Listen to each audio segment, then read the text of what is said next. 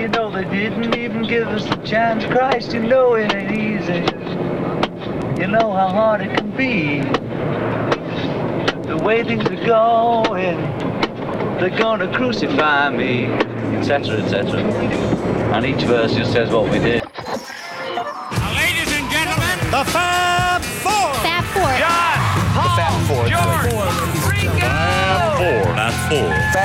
Four, we have for you the Fab Four. The Fab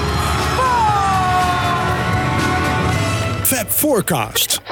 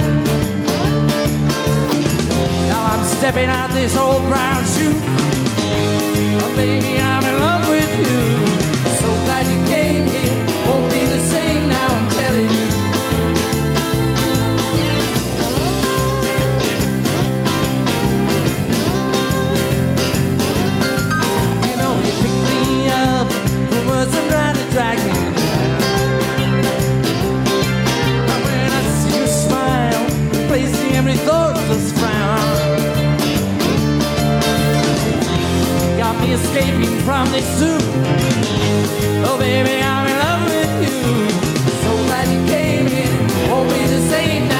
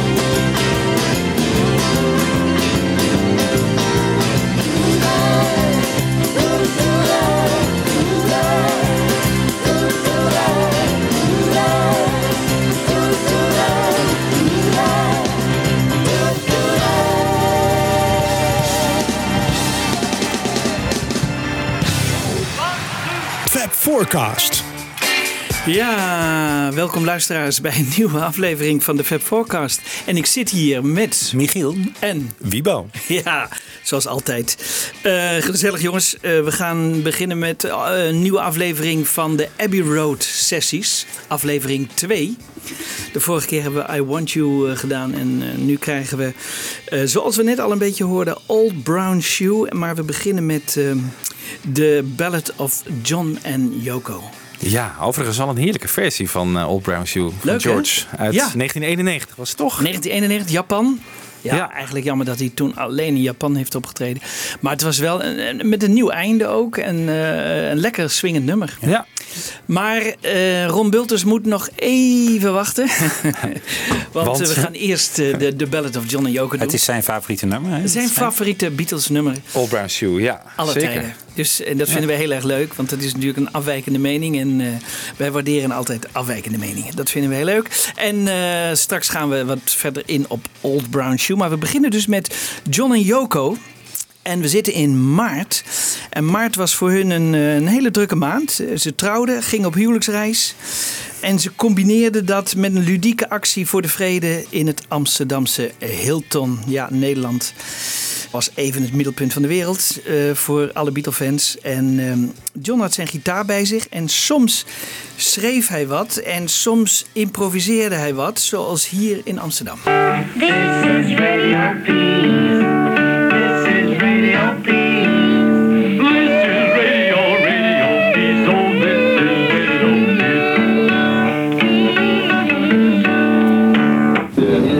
You know, we've proved to them that seven days and seven nights in any room isn't luxury.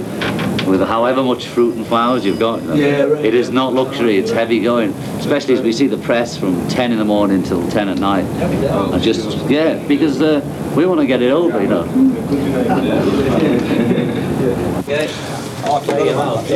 How about that?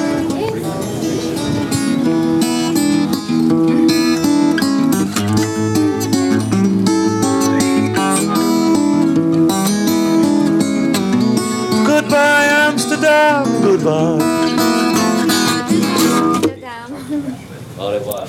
Ja, Thank you. ja we horen nog een paar eh, mensen. Ik vond het wel een beetje de riffje van Old Brown Shoe eigenlijk, maar... Ja.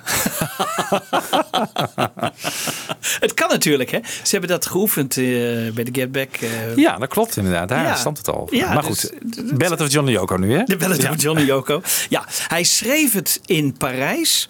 En dat weet ik van eh Matt van Hensbergen, de cameraman.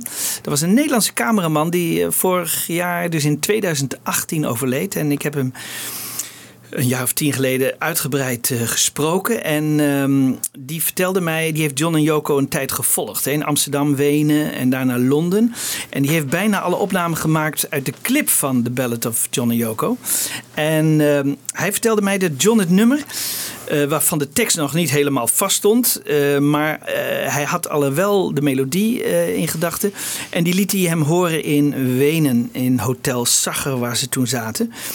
En ehm, inmiddels toen bij thuiskomst in Londen is eh, John aan het schrijven gegaan. Heeft, had het nummer al voor een groot gedeelte af, alleen het einde nog niet. En hij belde Paul McCartney.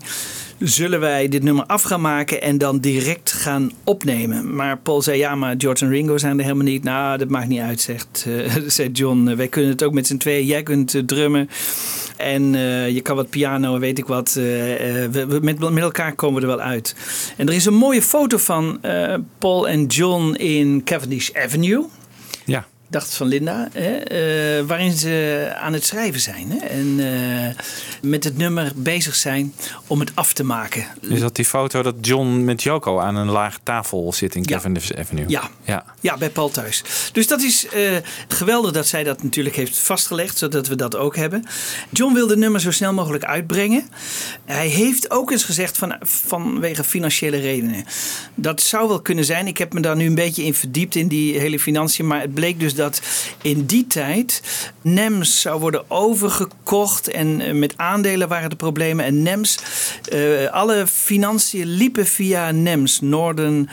Wat is het? North End Music Stores. Zoiets, hè? Ja. Ja. En eh, die deden eigenlijk alle financiën voor de Beatles. Dus daar kwam het geld eerst binnen en dan werd het eh, gedistribueerd, verdeeld. Er was iets met aandelen. Afijn, NEMS die blokkeerde alle geldstromen richting de Beatles. En eh, John die wilde wel graag zelf ook dingen doen. Zo had hij die, die privéprojecten met die, met die LP's die hij maakte. En dat kostte allemaal geld. En hij had dus geld nodig. Het bleek ook, hè, bijvoorbeeld in Amsterdam, in het Hilton. Toen moest Joko een, een ring, die, die, die ring die was te groot. eh, die ze had gekregen van hem bij het huwelijk in, eh, op Gibraltar. En eh, die moest verkleind worden op een, bij een juwelier, ik geloof aan de Centuurbaan. En eh, Piet eh Schreuders heeft die rekening en dat is heel grappig. En die werd dus niet betaald. Dus John die betaalde niks, ook de, het hotel. Waarvan altijd wordt gezegd, ja is niet betaald. Is wel betaald alleen door eh, de platenmaatschappij. Dus de platenmaatschappij heeft ook die ring weer. Eh, John had eh, waarschijnlijk eh, wel een creditcard of geen creditcard. We weten het niet. Eh, hij was in ieder geval niet met geld bezig. Nee. Maar hij had dus wel geld nodig. Want ook EMI had alle. Eh, op een gegeven moment alles geblokkeerd. Hè? Want ze kregen geen geld meer. Omdat eh, eh, Sir Joe, de, de, de, de grote man bij EMI, eh, die zei: Zolang we in onderhandelingen zitten over alle platen, ga ik me nog geen geld overmaken. Dus toen Ja. hun nieuwe manager Ellen Klein had besloten om nieuw te onderhandelen over, de, over de platen, Ja. wilde EMI voorlopig niks betalen. Dus ze, ze zaten even zonder cash. Dus, John zegt dat toch ook in het interview, geloof ik, dat hij met Ray Coleman heeft in die tijd van als Apple zo doorgaat, dan zijn we over zes maanden failliet. Ja, ja. Dat is volgens mij rond Ja. deze tijd dat Ja. dat interview gepubliceerd wordt. Want Ellen Klein zet dan op een gegeven moment ook alles stop. Hè? Alle uitgaven zijn stopgezet. Dus, eh, Maar dat is Apple, waar jij het over hebt, Wiebo. Want we hebben het nu toch over EMI. Dat zijn toch al twee verschillende dingen. Nou maakt wel is geld gewoon- binnen. Ja? Eh, eh, Volgens mij ging het zo dat, dat NEMS altijd... Alle rekeningen gingen naar NEMS. Hè? Dus ook al als Paul McCartney een huis verbouwde... dan werd het allemaal naar NEMS gestuurd. En die, die splitsen dat uit. Het is privé of het is voor de Beatles of het is voor Ja. dit of voor dat. En, eh, Maar ja, en- goed, en- Apple en, kon niet EMI hebben ook met elkaar te maken natuurlijk. Want I- Apple is gewoon een soort Ja. sublabel van. Ja. meer. Ja, Klopt, maar, zeg maar waar John aan refereerde was vooral eh, de rampzalige projecten met kledingwinkels, eh, artiesten. Ja, dat eh, dat, dat was gewoon een extra uitgavenbron die ze eerder niet hadden. Ja, maar de inkomstenbronnen eh, droogden dus ook op. Ja. Tenminste, die, dat werd allemaal geblokkeerd. Ja. Dus ze kregen geen geld van NEMS, kregen geen geld van IMI. Dus op een gegeven moment, eh, nou, dan zullen ze altijd wel iets op hun eigen rekening hebben gehad. Maar eh, ik nam aan dat hij daar niet alles van wilde uitgeven voor zijn projecten. En vandaar ook dat snel die single van The Ballad of Johnny Yoko uitkwam. Relatief snel na Get Back ook. hè? Ja, ja. Die stond gewoon nog in Ja, de charts geloof ik. ja. En toen kwam er alweer een nieuwe. Dus Ja. dat geeft wel aan dat er gewoon een soort urgentie was van... eh, Misschien ook om het uit te brengen, maar misschien ook wel ik heb geld nodig. Ja. Ja. Nou goed, John ging dus naar het huis van Paul. Paul, even over de ballad van Johnny Yoko. John and Yoko came round to see me in London, and John said, well, "I've got this sort of song about me and Yoko, you know, and I'm hot to record it. I'd like to sort of do it right now. I'd like to ring up the studio and get some time, and we could do it right now. And you could play a bit of bass, and you could play drums because you knew I could just about do them." Uh, I said, "Yeah, all right. What about the others?" He said, "Well, it's okay. We, we don't need them. You know, it's all right." I don't think he meant to keep them out of the picture at all. But he just he was hot to trot. So um, we just popped round to EMI, which is right round the corner from where I lived. We did it. It was a very quick session. Ja, een hele snelle sessie. Als je bedenkt dat ze hun eerste LP eh, in één dag eh, hebben opgenomen, dan eh, deden ze hier ook één dag over. Maar voor de Beatles was het toch eigenlijk nog best een snelle, Ja. hè, een snelle actie. We horen nu even spoor 2 en 3, gitaar en drums. En een guide vocal op de achtergrond van John. Je hoort John een foutje maken tegen het einde. Eh, dit is een eerdere take. Okay.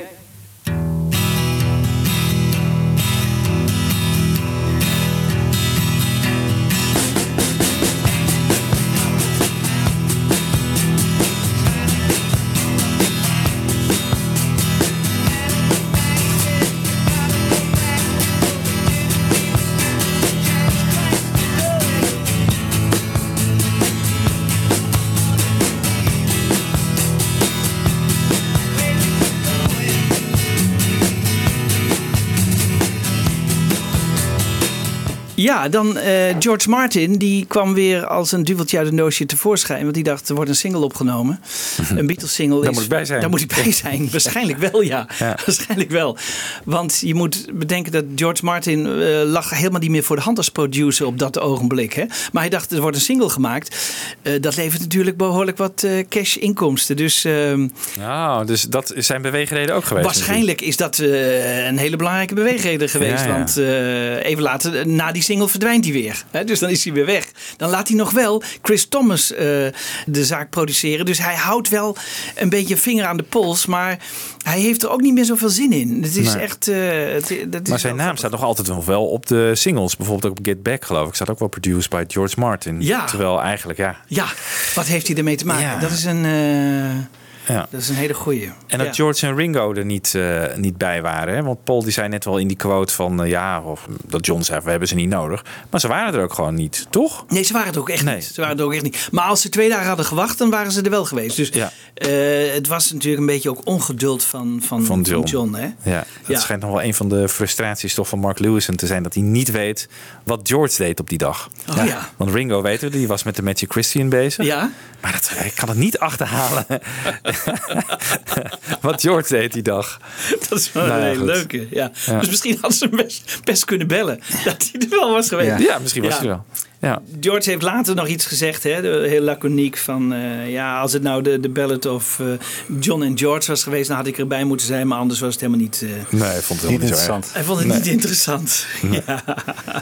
ja, George Martin die haalde ook Jeff Emmerich er weer bij. Want eh, Jeff Emmerich was een hele tijd weg geweest. Hè? En eh, die bleek dus wel weer bereid eigenlijk om eh, de Beatles te produceren. Want het verhaal gaat altijd als eh, Paul hem dan belt in juni. Hè, pas in juni, dat is maanden later. Van wil je ons produceren? Ja, dan stelt hij als eis. Oké, dan wil John dat ook. Maar dan wil ik ook Jeff Emmerich erbij hebben. Terwijl hier Jeff Emmerich eigenlijk alweer bij is. Dus volgens mij hoefde dat helemaal geen probleem En te dit zijn. is, we spreken nu over april, toch? April, Ja. ja. ja, dus twee maanden daarvoor al. Ja, twee maanden daarvoor. Ja. Ja, ja. En Jeff Emmerich was bij de White Album weggegaan, hè? aan het begin volgens mij van de sessies. Ja, ja. Ja. En dus dit was de eerste keer dat hij weer terug was. Ja, dus bijna, een- nou niet Ja. een jaar. Ja, Ja, Ja. Jeff. Emmerich die is dan wel bezig voor Apple, dacht ik. Hij is dan met die studio bezig met, met apparatuur of zo. De Apple. Studios is hij aan het inrichten volgens mij. Ja. inrichten. Ja. Ja, ja. Omdat Magic Alex er zo'n potje van gemaakt had. Ja, ja. Ook weer iemand hè, waarvan Mark Lewison zei van jammer dat ik hem nooit heb geïnterviewd. Hè. Dat, eh, hij heeft Oh, ja? het wel geprobeerd. Hij heeft het verschillende. Hij is er heel dichtbij gekomen. Bij Jeff Emmerich. Nee, sorry. Bij eh, Magic Alex. hè. Oh, Magic Alex. Ja, oh, ja, ja, ja, natuurlijk. ja, Ja, ja, ja, zeker. Ja. Oké, George Martin even over, eh, over die dag. It all came together very quickly, starting with John on guitar and Paul on drums, and gradually building up with many overdubs on the multi tracks, vocals and percussion.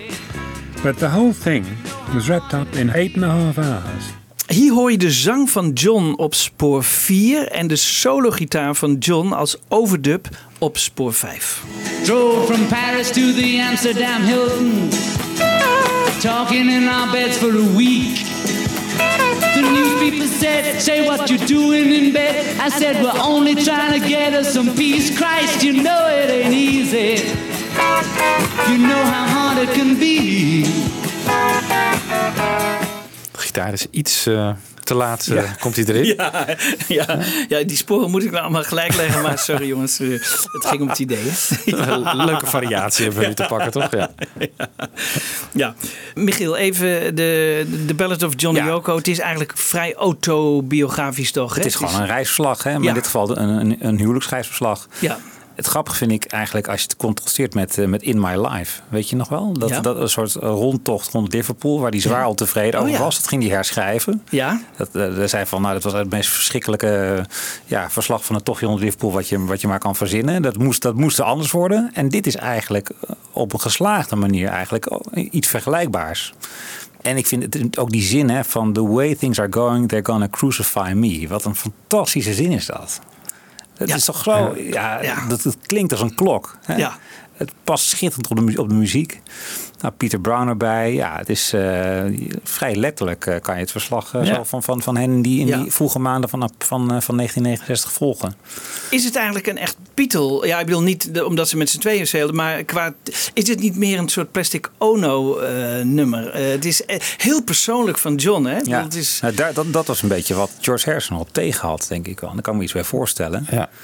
En waar McCartney dus, dat zegt ook wel iets over hen beiden. hè. McCartney dus helemaal geen problemen had. Die, die, bedoel, die, die accepteerde gewoon Ja. eh, Yoko als een feit. Als iets waar je hem toch niet van gedachten van ging veranderen. Dus ja, ze hoort er gewoon bij, bij John. En Ja. dan krijg je dit soort nummers. Nou, prima. ja, En hij ook natuurlijk. Hij wilde kost wat kost gewoon de relatie met John eh, houden. En die zag hem natuurlijk wegdrijven. Als John dit aan hem vroeg, was het gewoon een kans om gewoon eh, weer te connecten met, met z'n tweeën. Ja. Dus ik denk dat John echt bijna alles kon maken bij Paul wel. eh. Ja. Ja. hij is op een gegeven moment wel te ver gegaan natuurlijk. Maar toen kwam die ruzie ook en dan gingen ze uit elkaar. Maar Ja. Ja.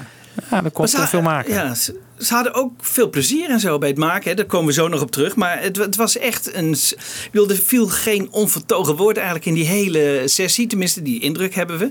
Ik heb ook niet het idee dat, dat Joko zich er zoveel mee bemoeide. Maar eh, dat weet ik ook niet. Nee. Je hoort daar nooit over. We weten niet of ze in de studio is geweest hè, bij Nee. deze opname. Maar dat zal toch bijna Dat, wel. dat moet bijna- bijna wel. hè, Het ja. moet bijna Ja. wel, maar eh, Ja. Maar dan is het dus een sessie met hen twee. En dan, dan moet je voorstellen George Martin en Jeff Emmerich. In de, in de controlekamer. En dat is het dan. Er zal nog een tape operator bij geweest zijn. En dan, eh, dan Ja. hebben we het wel. Hè? Goed, even Paul. Die speelt bas bij de rest van de tracks op spoor 1.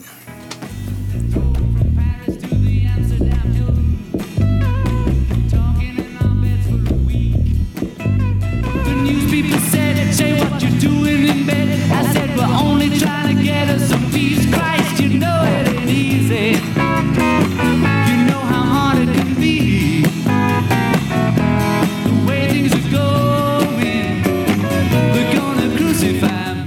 Goed, en dan eh, John Lennon en George Martin over die sessie. George Martin vertelt nog even dat ze het eh, met z'n tweeën opnamen.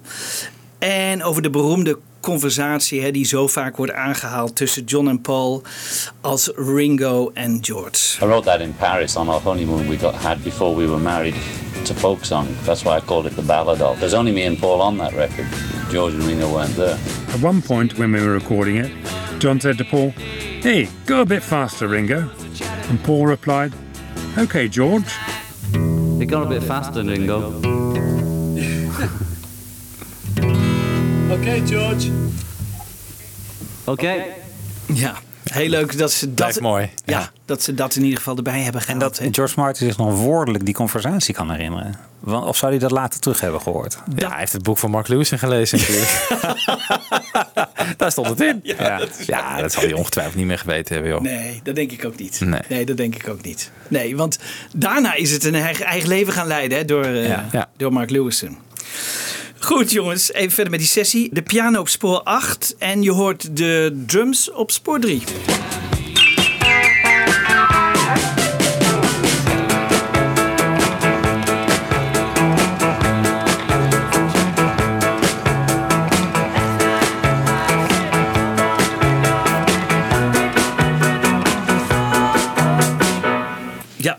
Swingt wel als een tiet, hè? Ja, dat is heerlijk, hè? Ja. Ja. ze hadden echt lol met elkaar. En dit is echt een heerlijk nummer. Eh, John Curlander, dat was de tape operator. Dus die was samen met Jeff Emmerich en George Martin. En hij werd een paar jaar geleden geïnterviewd door Koop Geersing. En dit vertelde hij over de ballad eh, van Johnny Yoko en over hoe snel die opnamesessie eigenlijk verliep. They just recorded it together very fast. By by those standards uh, of how songs were being done, um, it was very fast indeed. And I kind of remember because uh, it's documented in the book. I wrote down like this is what happened and how it happened, and in a matter of a few hours, the whole song was finished. And I, I just remember John and Paul having a great time together on it. It was, I think, it was working a lot faster and a lot more decisively than they had been in the past. So. John Curlander woont in Los Angeles tegenwoordig. Het is eigenlijk wel jammer dat ze mensen zou best wat meer geïnterviewd mogen worden. Want die hebben vast hele leuke eh, herinneringen nog. Nou, we gaan weer even door met de sessie. Paul eh, met de interessant op de tweede stem op spoor 7. En die stem die zo geweldig aansloot bij John. Laten we even luisteren.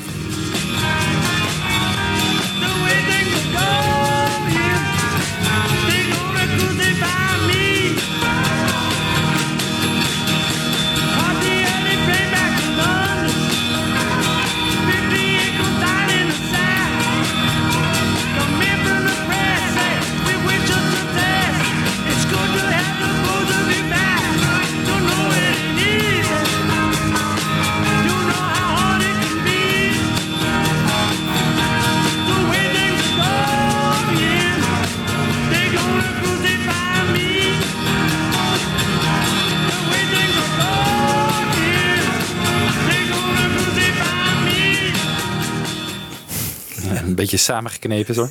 Gonna crucify me. Beetje Kermit stemmetje. Maar het past heel goed. Dat was wat heel is goed, hè? Zo goed. Ja, Ja, die ja. tweede stemmen, man. Want er zit Ja. daar nog een meester in. Ja, dat was echt waar hij zo hè, gloreerde. Echt, eh, Weet je wat mijn enige aarzeling is? Want Joko zegt net, die was er waarschijnlijk bij. Het argument daartegen is opmerkelijk dat zij in een nummer waar haar naam in voorkomt, nergens te horen is. Je zou van Lennon verwachten misschien dat hij zegt... Nou Joko, hier moet jij even een tweede stemmetje doen of zo. Of Ja. ja. schreeuw even wat. Ja, ja. Zou helemaal niet zo raar zijn geweest. Is eerder gebeurd eh, in Bungalow Bill. eh, ja, nou, ja, ja, ja, ja, ja, ja. Niet als gelijk. single. Niet Ja. als single natuurlijk. Nee. maar- Nee. nee, maar ergens. Van, ik bedoel, ja. het is Ja. ook haar ballade. Ja, Dat daar, heb je een punt, eh, Michiel. Dat is waar, maar ik denk echt, wat jij net ook zei, van ongetwijfeld zat ze erbij. Ze waren onafscheidelijk, die twee. Ja. Die gaat niet eh acht en een half uur thuis zitten, denk ik. Nee. Nee, veel te lang. Dat is wel John! thuis zitten. Ja, what you coming? Dan gaat ze de hele tijd bellen natuurlijk. Ja. Ik hoop dat zij ooit haar memoires heeft opgeschreven, maar ik vermoed van niet. Ik denk het ook niet. Nee, dat is Nee, wel jammer nee, eigenlijk. Want zij kan nog best... We hebben van haar, van haar toch nooit iets interessants gehoord Dat over haar aanwezigheid op Beatles-sessies? Nee, nee, Nog dat is waar. We zouden zo graag willen weten wat haar invloed is geweest op Revolution nummer 9 bijvoorbeeld en dat soort dingen. Maar dat hebben we nooit iets. Nee, Nee. we hebben nooit iets interessants eh, mogen vernemen uit, die, vernemen uit die hoek. Dat is wel Nee. jammer. En het is nu ook te laat, denk ik, want ze is Ja, het is nu te redelijk... laat. Ja, eh, nee, het is, het is nu, hè, als we dat Een beetje dementerend. Ja, moest er weggetrokken worden bij die toespraak. Oh ja. ja. Ehm, goed, nog een klein detail even. Paul op Maracas, spoor 8. trip to Vienna. Eating chocolate cake in a bag. Newspaper said she's gone to his head. They look just like two gurus in drag. You know it. Kleine details, hè, dat, maar dat vind ik altijd leuk om die er even uit te halen. Ehm, John had altijd graag een nummer in gedachten als hij zo'n nummer componeerde. En in dit geval was dat Lonesome Tears in My Eyes van Johnny Burnett. Een nummer dat de Beatles eigenlijk ook heel vaak hebben gespeeld. Hè. Ehm, dit is van de BBC. Eh, luister ook naar het einde dat John eigenlijk één op één overnam. Well, baby, baby, baby, blues are sorrow, and I love you tomorrow, just suit you just fine. Well, baby, baby, baby, blues are sorrow, I love you tomorrow,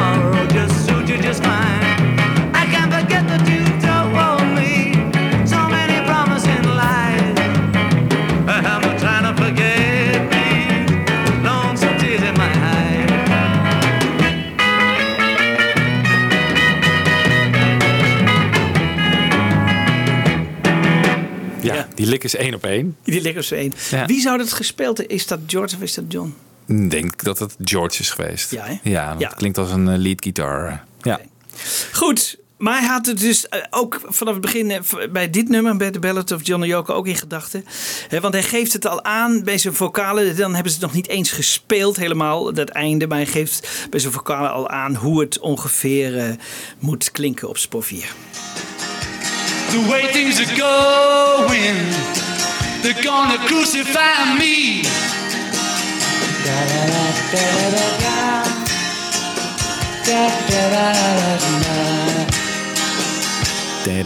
Dat zit- hebben ze er dan niet eh, in gedaan. dat is ook wel heel corny geweest. hè? Ja.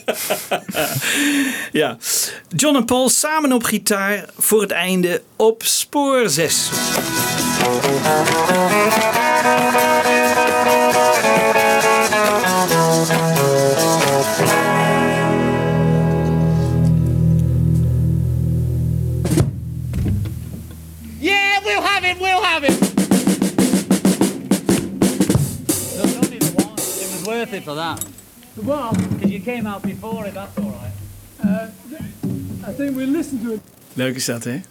Ja. Die op, zijn opgetogen John Lennon is altijd leuk om te horen. Ja.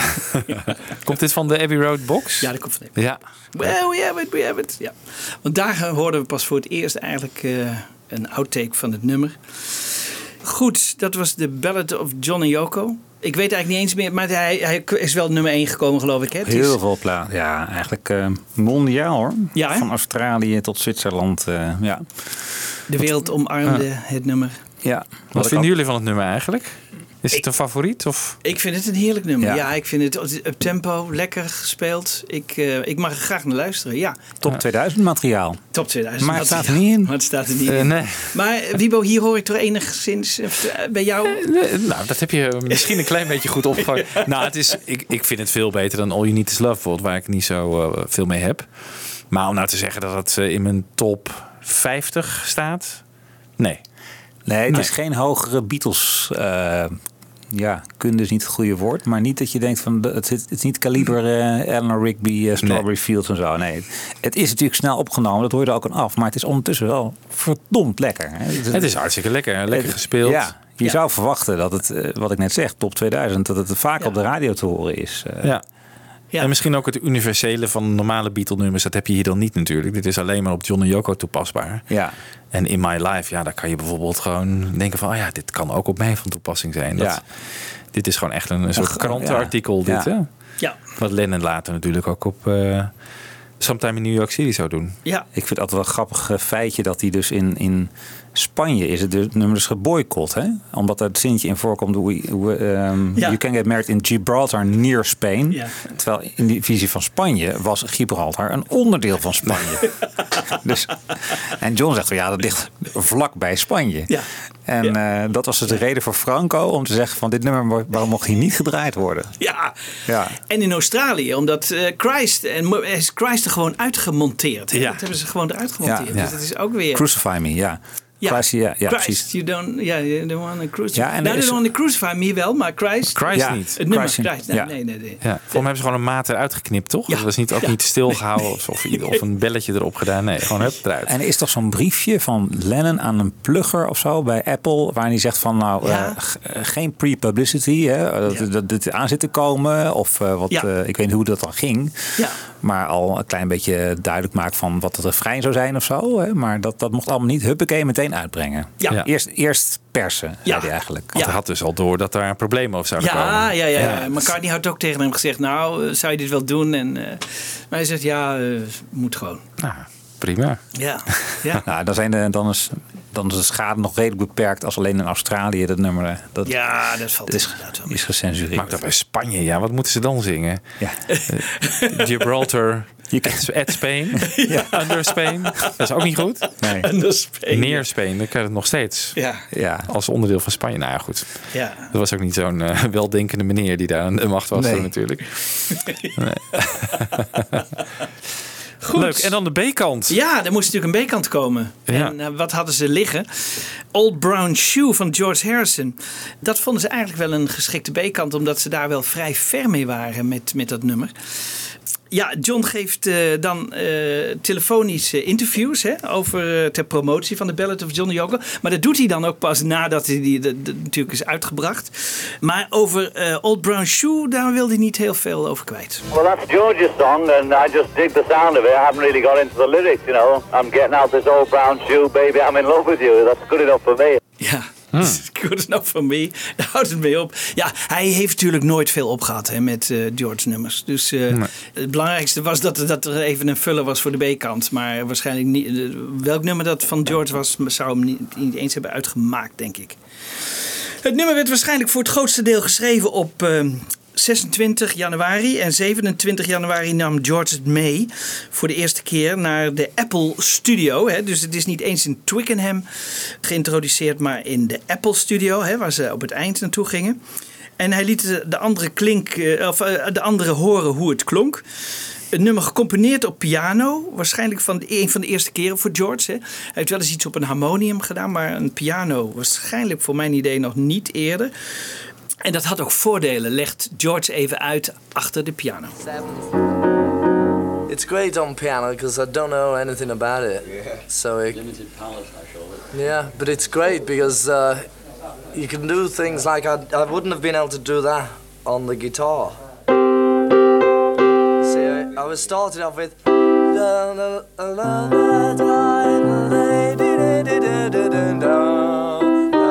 know, couldn't have that note on that Billy? It's like a C only without without that note, without the E that's in the C. Yeah, that's like C7.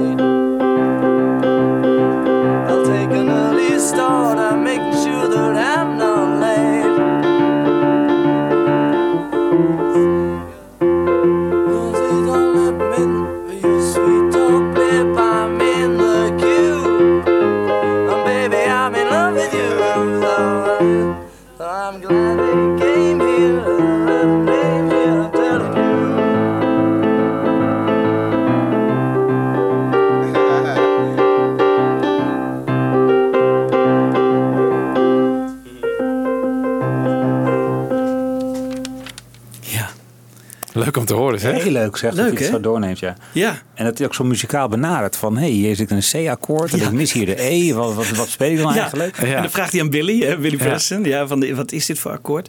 Heel erg leuk. En, en ook dat het pas een dag nadat het gecomponeerd is. Dus daar komt hij ermee. Hè. Dus Ja. we horen hier eigenlijk vers van de pers een Beatle Dat had je in Twickenham en ook met uh, I Me Mine bijvoorbeeld. Dat was dus volgens mij ook de avond ervoor geschreven. Geweldig. Ja, het is Maar fantastisch. wat hij zegt over de piano is wel leuk. Want hij, hij pakt hier akkoorden waarbij hij met de linkerhand bepaalde basnoten kan pakken. Die hij op gitaar niet kan pakken. Hij zegt, ja, ik kan op gitaar had ik dit nooit zou kunnen spelen.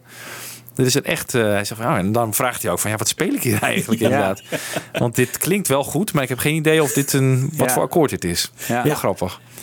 Heel Beatle-achtig, hè? Alles op intuïtie doen gewoon, hè? Dus Ja. eh, niet precies weten wat je doet, maar wat je doet, Ja. doe je wel goed. Het klinkt En gewoon lekker. Het Ja. klinkt gewoon lekker. Ja. Dat is echt eh, fantastisch, ja.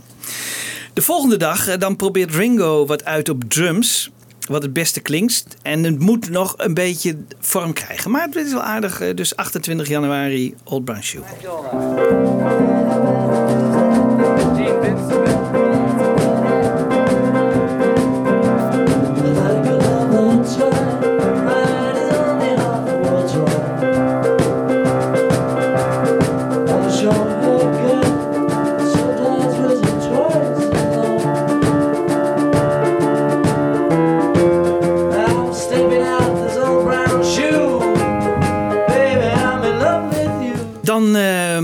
Dag later, dan repeteren ze verder met Billy.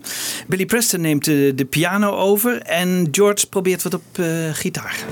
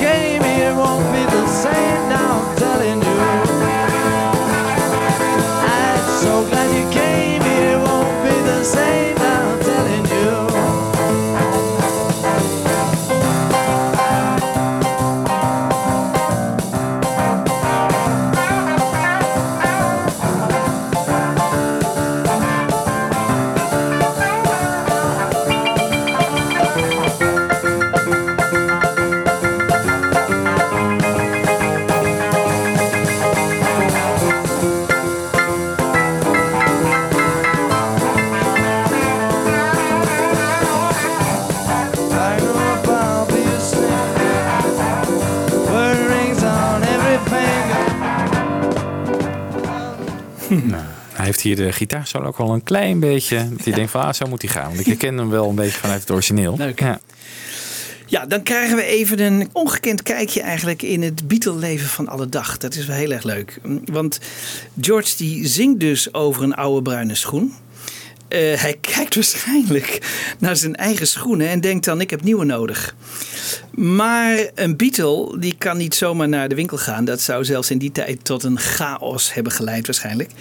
Dus dit was het pre-digitale tijdperk hè, voor de luisteraars. Eh, je kon niet zomaar even schoenen bestellen via, via de computer. Dus hoe ging dat in die tijd? Mel Evans hè, die werd gevraagd om een paar dozen met schoenen op te halen bij die beroemde zaak in Bond Street. Maar hoe heette die hele beroemde zaak nou ook alweer? Mal, what was the name of that shoe shop somebody said is in Bond Street, a good one? Do you know a sh- good shoe shop near? There's a lot of shoe shops in uh, Bond Street. Yeah, but there's one like groovy shoes. Bally. Bally. Bally, no. They're the ones with the uh, patent leather shoe. Oh no, I'm fed up with them. We got about 18 pairs. I just want, you know, like ordinary black leather shoes. They could maybe they could you could bring boxes of them over, like uh, different about four or five Yes, different. Per, oh, oh, well that'll make it difficult then. You know, if you bring in like all five different sizes. You know, if you could bring like about five different black slip-on ordinary shoes, size eight. Kevin, go to So I could Gucci. pick one. ja, zo ging dat dus. Ja. Leuk is Van wanneer in januari is het eigenlijk? Weten we dat? Eh, waarschijnlijk ook zes, eh, 26 hoor, denk ik. Dit was in Apple. ehm, Ah, Oké. Ja. Dus hij had het nummer geschreven. Toen dacht hij van, ja, nu heb ik ook echt nieuwe schoenen nodig. dus hup, Mel. Ja. Ja, die moest dan gewoon dan. eh, Ja. dus vijf boxen halen. Hè, size 8 had hij Ja. dus. Hè, en, eh, en dan ging hij uitzoeken. Dat is wel grappig, hè? Dat, wij weten Ja. natuurlijk helemaal niet hoe de Beatles hoe dat Gekleed ging. werden, nee, dat ik me vaak hoe afgevraagd. Ja, want die konden dus niet zomaar even naar een schoenenwinkel gaan. Nee. Dus dan moesten ze ergens schoenen zien. Hè. Dan gingen ze al af op wat ze dan waarschijnlijk zagen, gewoon in, eh, eh, ja, in advertenties of zo. Ik weet niet hoe dat ging. Ja, dus het is wel grappig. Dus Mel moest eh, naar, eh, naar de zaak toe. Mel was gewoon eigenlijk bol.com eh, in die tijd. Ja. Mel was bol.com. Mel.com, ja. Mel.com, ja. Ja. Werd ook niet aan Neil gevraagd. Mel, volgens mij was Mel voor dit soort klusjes. Hè? Neil was nu natuurlijk al wel de, de baas van Apple, Ja, toch? die was Die gestegen in promotie. de, in de vaart der volkeren. Ja. ja. Ja. Michiel, is er nog iets te zeggen over de inhoud van dit eh, nummer? ehm? Een beetje yin en yang, hè, geloof ik. Telkens de tegenstellingen. ehm, op allerlei manieren komt dat terug in de tekst. Maar wat, wat die oude brui- bruine schoen nou precies eh, in het nummer doet, is een raadsel. eh. Nou, misschien uit zijn oude leven stappen of zo. En een, nieuwe, ja. een nieuw Oh ja. leven aangaan. Ja. Symbolisch. Ja.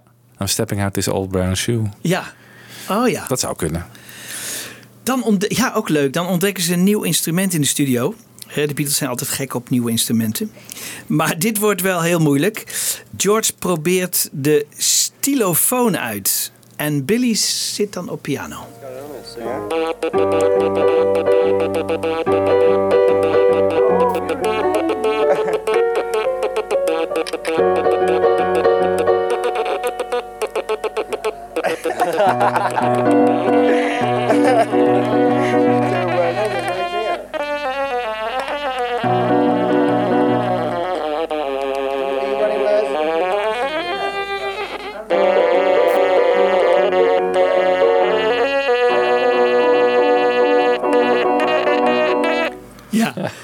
ja.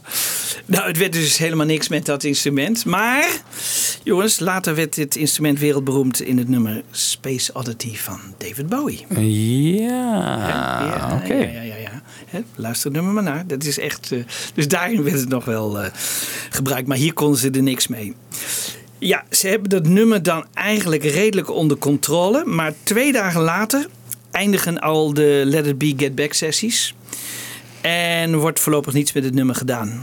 Dan op 25 februari, hè, dus dat is zeker een maand later, neemt George alleen in de studio een aantal demo's op, waaronder Old Brown Shoe en Something. En waarom? Hij is waarschijnlijk boos op de Beatles eh, dat ze zo weinig met zijn nummers doen. Dus wat denkt hij? John en Paul waren gek van eh, With a Little Help from My Friends van Joe Cocker. Hè, een paar maanden daarvoor. Dus wat doet George? Hij geeft de demo's van Old Brown Shoe and Something aan Joe Cocker. In de hoop dat hij er weer zo'n klassieker eh, van maakt. Ah. Dus, eh, en dat, maar dat is mijn interpretatie, eh, dat John en Paul zullen zeggen: Wow, wat hebben we eigenlijk laten schieten? Hè? Dus ik denk hè, dat, dat hij misschien zo heeft gedacht. Joe Cocker neemt uiteindelijk something op, maar bijna in dezelfde demo-versie van George. Hij doet er niet meer zoveel mee als eh, met eh, With a Little Help from My Friends. En de Beatles brengen het nummer uiteindelijk toch eerder uit dan Cocker. En het nummer wordt een nummer 1 hit. Dus de missie is uiteindelijk geslaagd. Maar eh, ja, het was op het nippertje. Via een andere weg. Dit is een fragment van de demo voor Joe Cocker van Old Brown Shoe.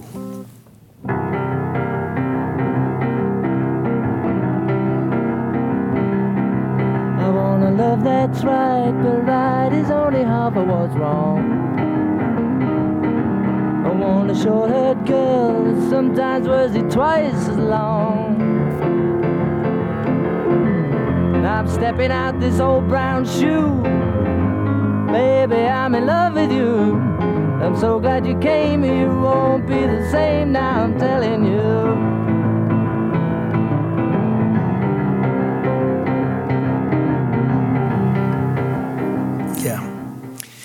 Eigenlijk leuk, hè? Want hier speelt George dus eigenlijk alle instrumenten zelf. Ja, Dat klopt. is wel... eh, Op zijn ja, verjaardag. Op zijn verjaardag. Ja. Ja. Leuk feestje. Ja, het zijn allemaal mooie demo's die hij die dag opneemt. Ja, prachtig. Ja.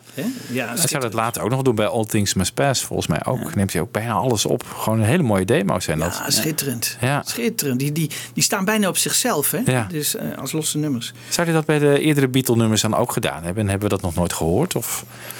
Er is wel iemand volgens mij in Friar Park aangesteld om de hele Harrison-catalogus, gewoon alles wat, het hele archief, om dat door te nemen. Daar is die Early Takes toen ook eh, uitgekomen. Ja. Deel 1. Ja. Maar verder nog helemaal niet. Dus ik, ik denk soms van, volgens mij moet er nog veel meer liggen. Gewoon echt gewoon als George dat soort demo's maakt, moeten die daar toch gewoon liggen. Dat zou fantastisch zijn, natuurlijk. Ja. Hè? Ja, dat zou fantastisch zijn. Een demo Ja. van Think for Yourself of zo. Nou, Ja. nou, hartstikke mooi toch? Ja. Nou, wie weet. Wie weet. Ja. Maar het kan ook zijn dat Olivia denkt, ja, toen heeft hij het niet uitgebracht, dus eh, waarom nu wel? Eh, maar goed, het zou prachtig zijn als, we, als ze er zijn en als we ze zouden kunnen horen. Ja.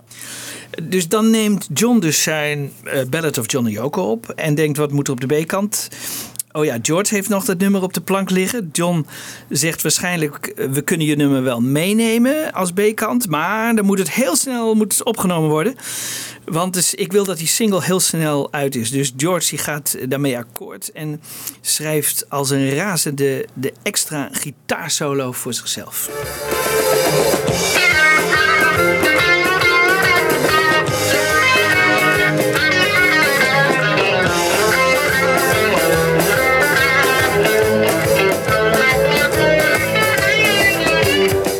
Dat is die gitaarsolo. En dan John. John die speelt zelfs mee. Eh, ja, oké, maar dan moet ik wel. eh, Daar, daar vertel ik zo meteen iets meer over. Hier hoor je hem. Hier hoor je John op gitaar. En nou ja, zo meteen vertel ik de rest.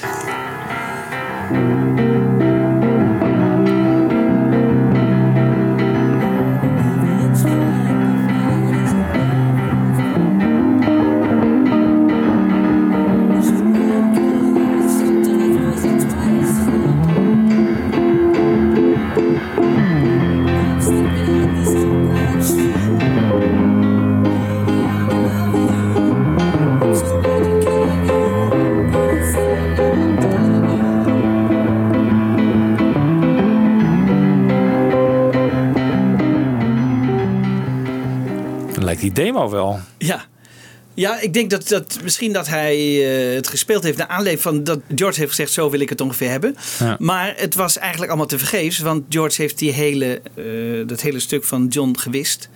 Wat wel vaker gebeurt bij George. Zijn nummers als. eh, hij zal later ook eh, de piano, dacht ik, van John wissen op Something. Tenminste, zoiets staat me ook bij. Maar hierbij wist hij dit gedeelte ook. Want hij heeft eh, ruimte nodig voor zijn orgelpartij. Die hij zelf inspeelt. En wat komt er dus voor in de plaats? Dat is dit. of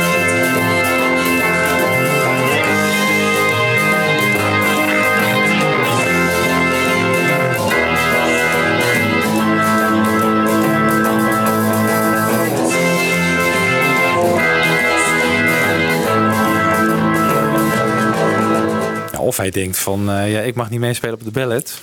Dan haal ik jou hier af. Johnny Boy. Kan heel goed. Ja, dat is, wel een, dat is ook nog een eh, interessante eh, hypothese. Goed. Iedereen is onder de indruk van het bijna agressieve basspel van Paul McCartney op dit nummer. Maar ik heb ook een controverse gelezen binnen de Amerikaanse Beatles community. Want in 1987, Cream Magazine, John Cordish interviewt George Harrison. George zegt, dan moeten we hem even eh, letterlijk eh, citeren. Sounds like McCartney was going nuts again. Eh, dat zegt dus de, de interviewer. Sounds like McCartney going nuts again. George antwoordt direct. En we moeten hem dus nu even letterlijk citeren. That was me going nuts. Doing exactly what I do on guitar. That was me going nuts. Dus heel veel Beatle-fans dachten, dat heeft George gespeeld, die, Ja. eh, die bas. Maar als we het echt volgens mij letterlijk nemen, dan bedoelt hij, het was juist ik die helemaal gek werd. Hè? Dus, en op, op gitaar datzelfde speelde. Alleen Paul heeft het gewoon nagespeeld. Ik denk dat we het Ah, zo moeten opvatten. Dus het komt van hem, maar hij heeft het niet gespeeld. Nou, laten we even luisteren naar Paul Going Nuts Again. Hè? In zijn, eh, met zijn prachtige basspel.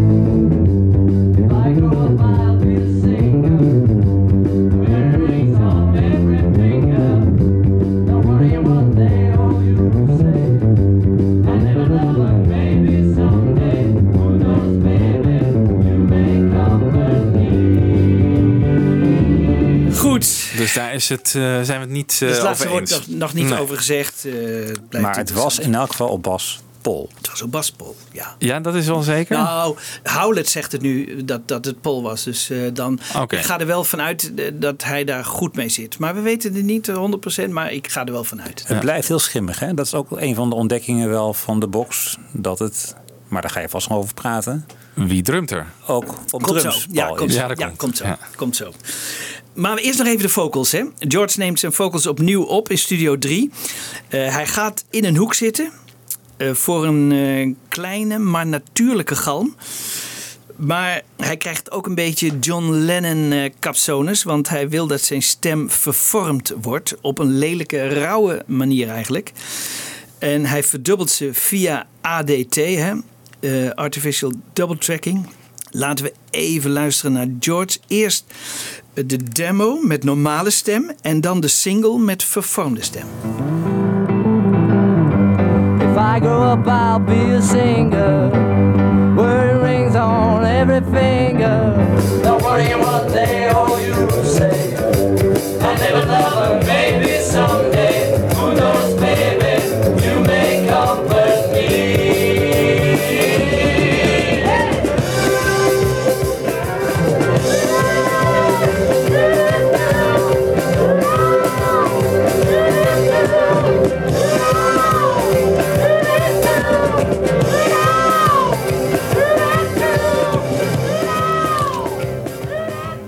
is wel duidelijk wie die tweede stem doet eigenlijk.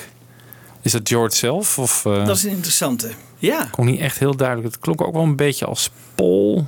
Maar ik weet het niet. Nee. Want het klinkt als eh, heel ver in de ruimte. klinkt het, hè? Ja, ja, ja, ja, ja, ja, ja.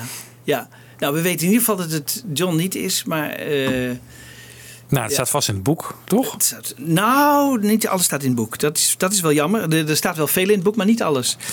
En dan, eh, eh, Michiel zei het al net al, de drums, hè, Michiel? Ja. We weten iets nieuws, hè? want eh, sinds Kevin Howlett eh, weten we dat eh, Paul McCartney drums speelt op Old Brown Shoe. Velen willen het nog steeds niet eh, helemaal geloven.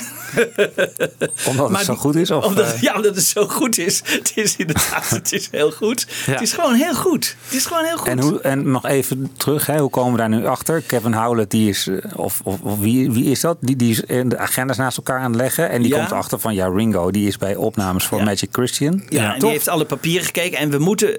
Kijk, Mark Lewison is op dat einde niet meer zo, zo zuiver en niet meer zo goed. Hè? Want hij zit dan onder tijdsdruk. Hè, dus hij komt al tegen het einde, Mark Lewison, van het boek hè, in 87. Ja. Heeft bepaalde dingen helemaal niet genoteerd of eh, maakt fouten. En dit wisten we dus eh, omdat eh, ja, Kevin Howlett heeft gewoon de papieren nagekeken. En hij zegt het kan niet anders. Want McCartney speelt dan ook op de eerste versie drums van Something. En eh, op Old Brown Shoe. En het kan niet ingespeeld zijn, want het zou dan ook nog een mogelijkheid geweest kunnen zijn dat het eh, later is ingedubt door Ringo. Nou, dat is wel grappig, want dat, ik zat deze week een podcast te luisteren uit Amerika ook weer. Daar ging het ook over de drums in dit nummer. En die zeiden van het is Paul op de basic track, ook wat Kevin Howlett zegt. Ja. Maar bepaalde fills zijn door Ringo overgedubt. Ja. Er waren twee drummers die daar eh, dat heel goed hadden beluisterd. Zeggen van ja, dat zijn geen typische McCartney fills. En het klinkt ook te goed. Dat is ook allemaal speculatief, Ja, toch? dat is speculatief. Dus net als met Dear Prudence is hetzelfde over beweerd. Hè? Ja, van, nou, ja, Het is zo ja. complex, dat kan ja. niet. Ja, dat kan niet. Terwijl het eh, toch, eh, want het kon niet anders. Dat Maar het is wel heel goed gespeeld voor een McCartney-track. hoor. Ik McCartney is volgens mij niet zo bedreven. Ja, nou ja, het is ook een dus snel dat. nummer, snelle ja. fills. Ja, ja, ja, ja. Ik vind dat... eh, Ja. Goed, maar als het zo is, dan speelt hij dus een van de beste drumpartijen uit zijn carrière eigenlijk. Hè? Ja. Ja. Ja, een echt mooie primeur eigenlijk hè, voor Kevin Howlett. Toch wel eh, goed. Laten we maar even luisteren naar de drums die we voorlopig eh, het, het voordeel van de twijfel geven aan Paul McCartney. Dat hij het heeft gedaan. Oké. De drumpartij van Old Brown Shoe. start, making sure that I'm not late.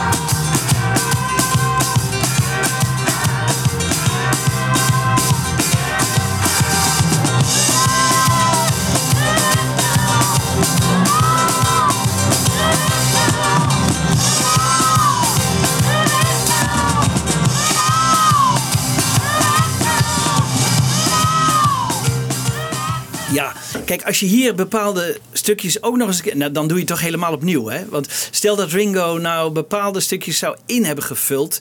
Ja, dat kan ik me niet voorstellen. Dan doet hij de hele track natuurlijk opnieuw. Hè? Het is of Nou, een weet je niet. Het is een basisritme waar je op zich al heel makkelijk dan fills op kan doen. In plaats van het helemaal overnieuw te doen. Maar dan moet je kleine wel- stukjes, ja, je, maar, Ja, je kan ook hoor. kleine stukjes uitknippen. Want op een gegeven moment zit er een vertraging. Hè? Toet, toet, toet, hoor je hem dan. Nou ja, Ja. dat, Ja. doet, Ja. dat is allemaal wel vrij complex, lijkt Ja. mij. Om dat er dan uit te knippen. En dan denk ik van, nou ja, hier... eh, Ja, en er was ook geen Moet tijd aan- voor. Hè? Het is niet in de, in de tijd kan het heel moeilijk. Dus, eh, want Nee. hij is gemixt en eh, die, eh, dus ja. Hij is ook al gemixt diezelfde Ja, dag of de mij, dag daarna of zo. volgens- Ja, hij is al vrij snel het is ook gemixt. Het moest allemaal heel snel. Hè? Het moest allemaal voor die voor Nou die ja, het zou kunnen natuurlijk. In, ja. in, in de Battle of John en Yoko zitten ook fills. Daar zitten ook kleine variaties op het standaardritme. Dat, dat kon elkaar niet toch gewoon? dat heeft hij wel vaker gedaan. Het was een genie. We moeten het toch erkennen. Ja, dat is wel waar. Ja, het is de absolute dr- drijvende kracht ook in dit nummer. Ja, ik bedoel, ik, op heel veel eh, punten. Ik bedoel, ik vind het bij lange na niet het beste nummer van de Beatles. Nee. Maar ik kan wel, eh, qua energie, inderdaad, de drums is fantastisch. Die gitaarsolo die je net liet horen, die is ook echt... Dat, Ja, echt is een- heel goed. eh, Echt een soort stroomstoot is dat. Dat is wel geweldig, man. Wat een energie zit daarin. Die pianopartijen zijn fantastisch. Ja. En toch blijf ik een beetje... Ik vind het, de productie als geheel wat rommelig klinken. Dat is misschien... Het is Hmm. wat weinig eh, gepolijst of zo. eh. Ja, en wat vind je Eh, van die stem, van die vervormde d- stem van is, daar heb Harrison? ik hetzelfde mee. Dat draagt een beetje bij aan het wat rommelige karakter, van het nummer. van het ja. nummer. Ja. Waardoor ik niet heel van mijn Maar, top. eh, nee, 20 maar niet heel, daarom vond ik dat, dat live nummer wat we aan het begin draaiden, hè, eigenlijk eh, Ja. lekkerder klinken eigenlijk Ja. eh, dan. eh, De stem dan is ook een beetje weggedrukt in de mix en zo. En Ja. klinkt wat dof. Ja, ja, Ja. dat is eigenlijk jammer. Dus en daar heeft hij ook kritiek op gekregen weer. Dat Japan dat hij van die dameskoortjes op het podium had Oh, ja. staan. Ja. Terwijl ik denk van nou, dat Ja. klinkt nou best wel goed hier. Ja. En dat Ja. is best een goede keuze geweest. Ja, maar dat zijn dan de puristen die willen het dan zo Ja. hebben als het, eh, als het was. Maar eh, ik ben het met je eens. Het is, het is Net die sessie voor Jackie Lomax heb ik hetzelfde bij. Vind ik ook heel rommelig. En, en ja, wel heel rauw en lekker of zo. Maar Dat Sour Milk Sea. ja, Ah, dat oké. vind ik ook heel, heel niet, niet, niet echt nou ja, glad geproduceerd of zo. Totaal niet. Nee, nee. Maar goed, hij gaat zich wel revancheren dan qua productie hè, met Here Comes the Sun and Something. Die zijn Ja. prachtig geproduceerd. Ja, dat is weer helemaal- absoluut.